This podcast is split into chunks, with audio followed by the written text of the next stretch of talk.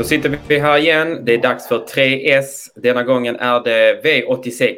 Vi läser 21 december, bara dagar innan julafton. Och eh, vi ska hjälpa er att spela in lite julklappspengar förhoppningsvis. Vi har jackpot idag när det är Solvalla och Åby som kör. Och eh, 18 miljoner kronor beräknar ATG att det kommer ligga i åttarättspotten. Inte helt fel, eller vad säger du Fredrik? Nej, det är trevligt. Eh, trevlig start här på, jul, på julveckan, tycker jag. Svårt också med, nu när det börjar bli varmt. Det börjar bli jul här, men nu känns att kylan är borta. Nu börjar det bli varmt igen. Ja, det är, det är väl lite um, svårt att säga om förutsättningarna när det gäller banan här. Verkligen. Banorna blir det Verkligen, både på Solvalla och Åby. Verkar lite rörigt. Ja.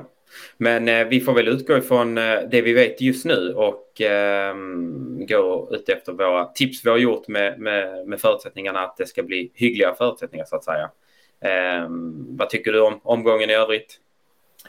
Eh, väldigt svår omgång tycker jag faktiskt. Det har varit svårt att hitta spikar och det är svårt att garderingsloppen så blir det lätt, har det lätt blivit många hästar i loppen och, så och, och lite för dyra system. Så det är svårt att svårt att hitta lopp att spika i, svårt att hitta lopp att gå kort i och så där. Så att, ja, det kan mycket väl bli hög utdelning. Ja, vi hoppas på det, men att vi är rätt ute.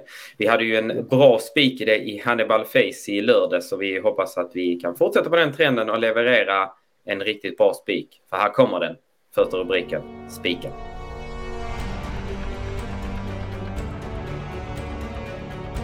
Spiken ja, den måste ju vinna. Vilken häst måste vinna för att vi ska ha chans på 8 rätt, Fredrik? Ja, men nummer tre, Accuratesse V864, eh, landade vi till slut här som bästa spiken. Den är klar favorit. Men som jag sa, omgången är svår. Eh, så att, att han kanske, eller att hon då, ett fyraårigt stor som inte har tjänat så mycket pengar. 66 procent är ju inte lite. Det är mycket, men hon har ju faktiskt en bra chans också. Så att vi tycker att hon är eh, omgångens bästa spik, trots att hon också är hårt betrodd. Hur eh, ser vi scenariot? Hur ska hon vinna? Hon är ju väldigt startsnabb så att eh, det borde vara bra chans att hon tar ledning och därifrån så det var toppchans. Hon galopperade faktiskt senast här i första kurvan, men då var det väldigt hård körning om ledning. Det finns ingen häst i det här fältet som kan pressa henne till så hård öppning. Så att, och då tror vi också hon går felfritt. Eh, vi har bilder här också på upploppet från senast efter galoppen där. Hon gick väldigt bra över mållinjen här. Så att, det är fyraåring som är under kraftig utveckling. Hon har gjort fem starter och, och från ledning så ska det faktiskt vara toppchans. Och i ärlighetens namn, hon möter inte mycket där bakom va? Eh, nej, hon gör inte det. Och som jag sa, det finns ingen som kommer kunna pressa henne liksom så hårt eh, så att hon galopperar igen. Eh, och Erik Lindgren känner ju hästen ännu bättre nu än senast nu när han kört henne ytterligare en gång och sådär. Så att, nej, det känns faktiskt väldigt bra med nummer tre Accuratess V864. Vi tog i oss procenten på tre Accuratess och går vidare till nästa avdelning, eller nästa rubrik blir det. Och det är ju skrälloppet.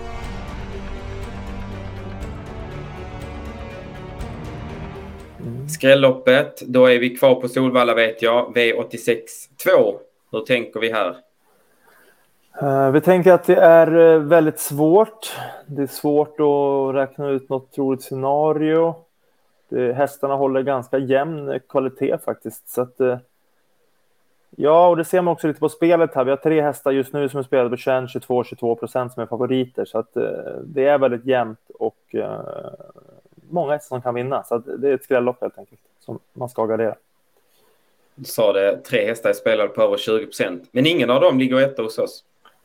Nej, vi, vi tror faktiskt mycket på nummer fem, Uptown Shift, som bara spelar till 4 procent. Det är faktiskt väldigt lite. Eh, man kanske anade också att hon skulle bli inte så hårt betrodd, för hon har ingen rolig rad, men eh, har faktiskt gått mycket bättre om man läser och kollar på loppen här. Hon har haft en hel del oflyt eh, och även gjort tuffa insatser. Så att hon är startsnabb och spår mitt i banan är ganska bra för det här rejäla stoet. Så att, eh, är vi inne på faktiskt att hon skulle kunna köras till ledning och därifrån så, så ska det nog vara vettig chans. Men som sagt, det är ett öppet lopp. Eh, så att gardera. Ja, men gärna med fem uptown skift som det låter. Definitivt, även med två Lady, Lady KM ska man också ha med. 2 på, på henne där från ett perfekt läge, det är alldeles för lite. Yes, då har vi två stycken där. Då eh, tar vi oss vidare till sista rubriken och det är ju eh, korset.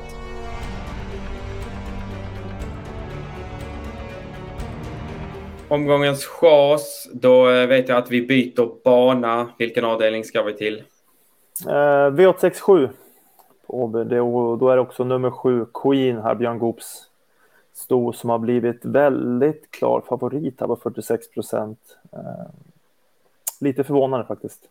Mm, hon vann ju, kommer visserligen från seger, tog då hand om ledningen, men eh, det var kanske inte något som imponerade på oss. Nej, nej hon vann, hon vann ju liksom pliktskyldigt. Det går väl inte att, ska inte klanka ner på henne eh, när hon vann så, men det var ju ett väldigt billigt lopp. Hon fick 40 000 kronor på sig där. Det här är ju en spårtrappa då. Eh, spår 7 är ju inte jättebra spår. Hon är ingen blixt första biten heller.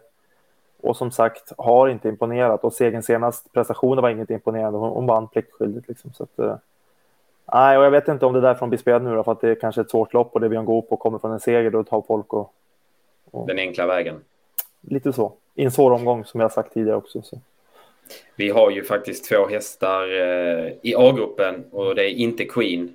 Eh, ska vi avslöja den? Ja, absolut. Nummer nio, Winnie Brodde, Johan Untersteiners treåring där som är väldigt högkapabel. Men det har strulat mycket år. Den hästen hade mycket väl kunnat haft några hundratusen till på sig här om han hade fungerat hela året. Eh, och även 11 DNV som har visat väldigt, väldigt hög kapacitet tidigare i karriären. Det är väldigt svårbedömt för han gjorde comeback senast och debut för Rick Ebbinge. Galopperade då.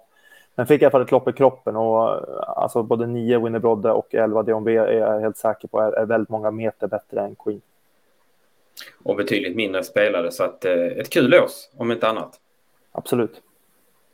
Yes, då är vi klara med dagens 3S. Vi har eh, bästa spiken i avdelning 4, häst nummer 3, Accuratess. Vi utnämner V86 till omgångens skrällopp där vi gärna lyfter fram 5 Uptown Shifter 2 Lady KM, tror jag man uttalar det. Eh, och så har vi omgångens chans. Det är V86 7 då på favoriten 7 Queen. Där vi istället lyfter fram 9 Winner Brodde och 11 Deon W.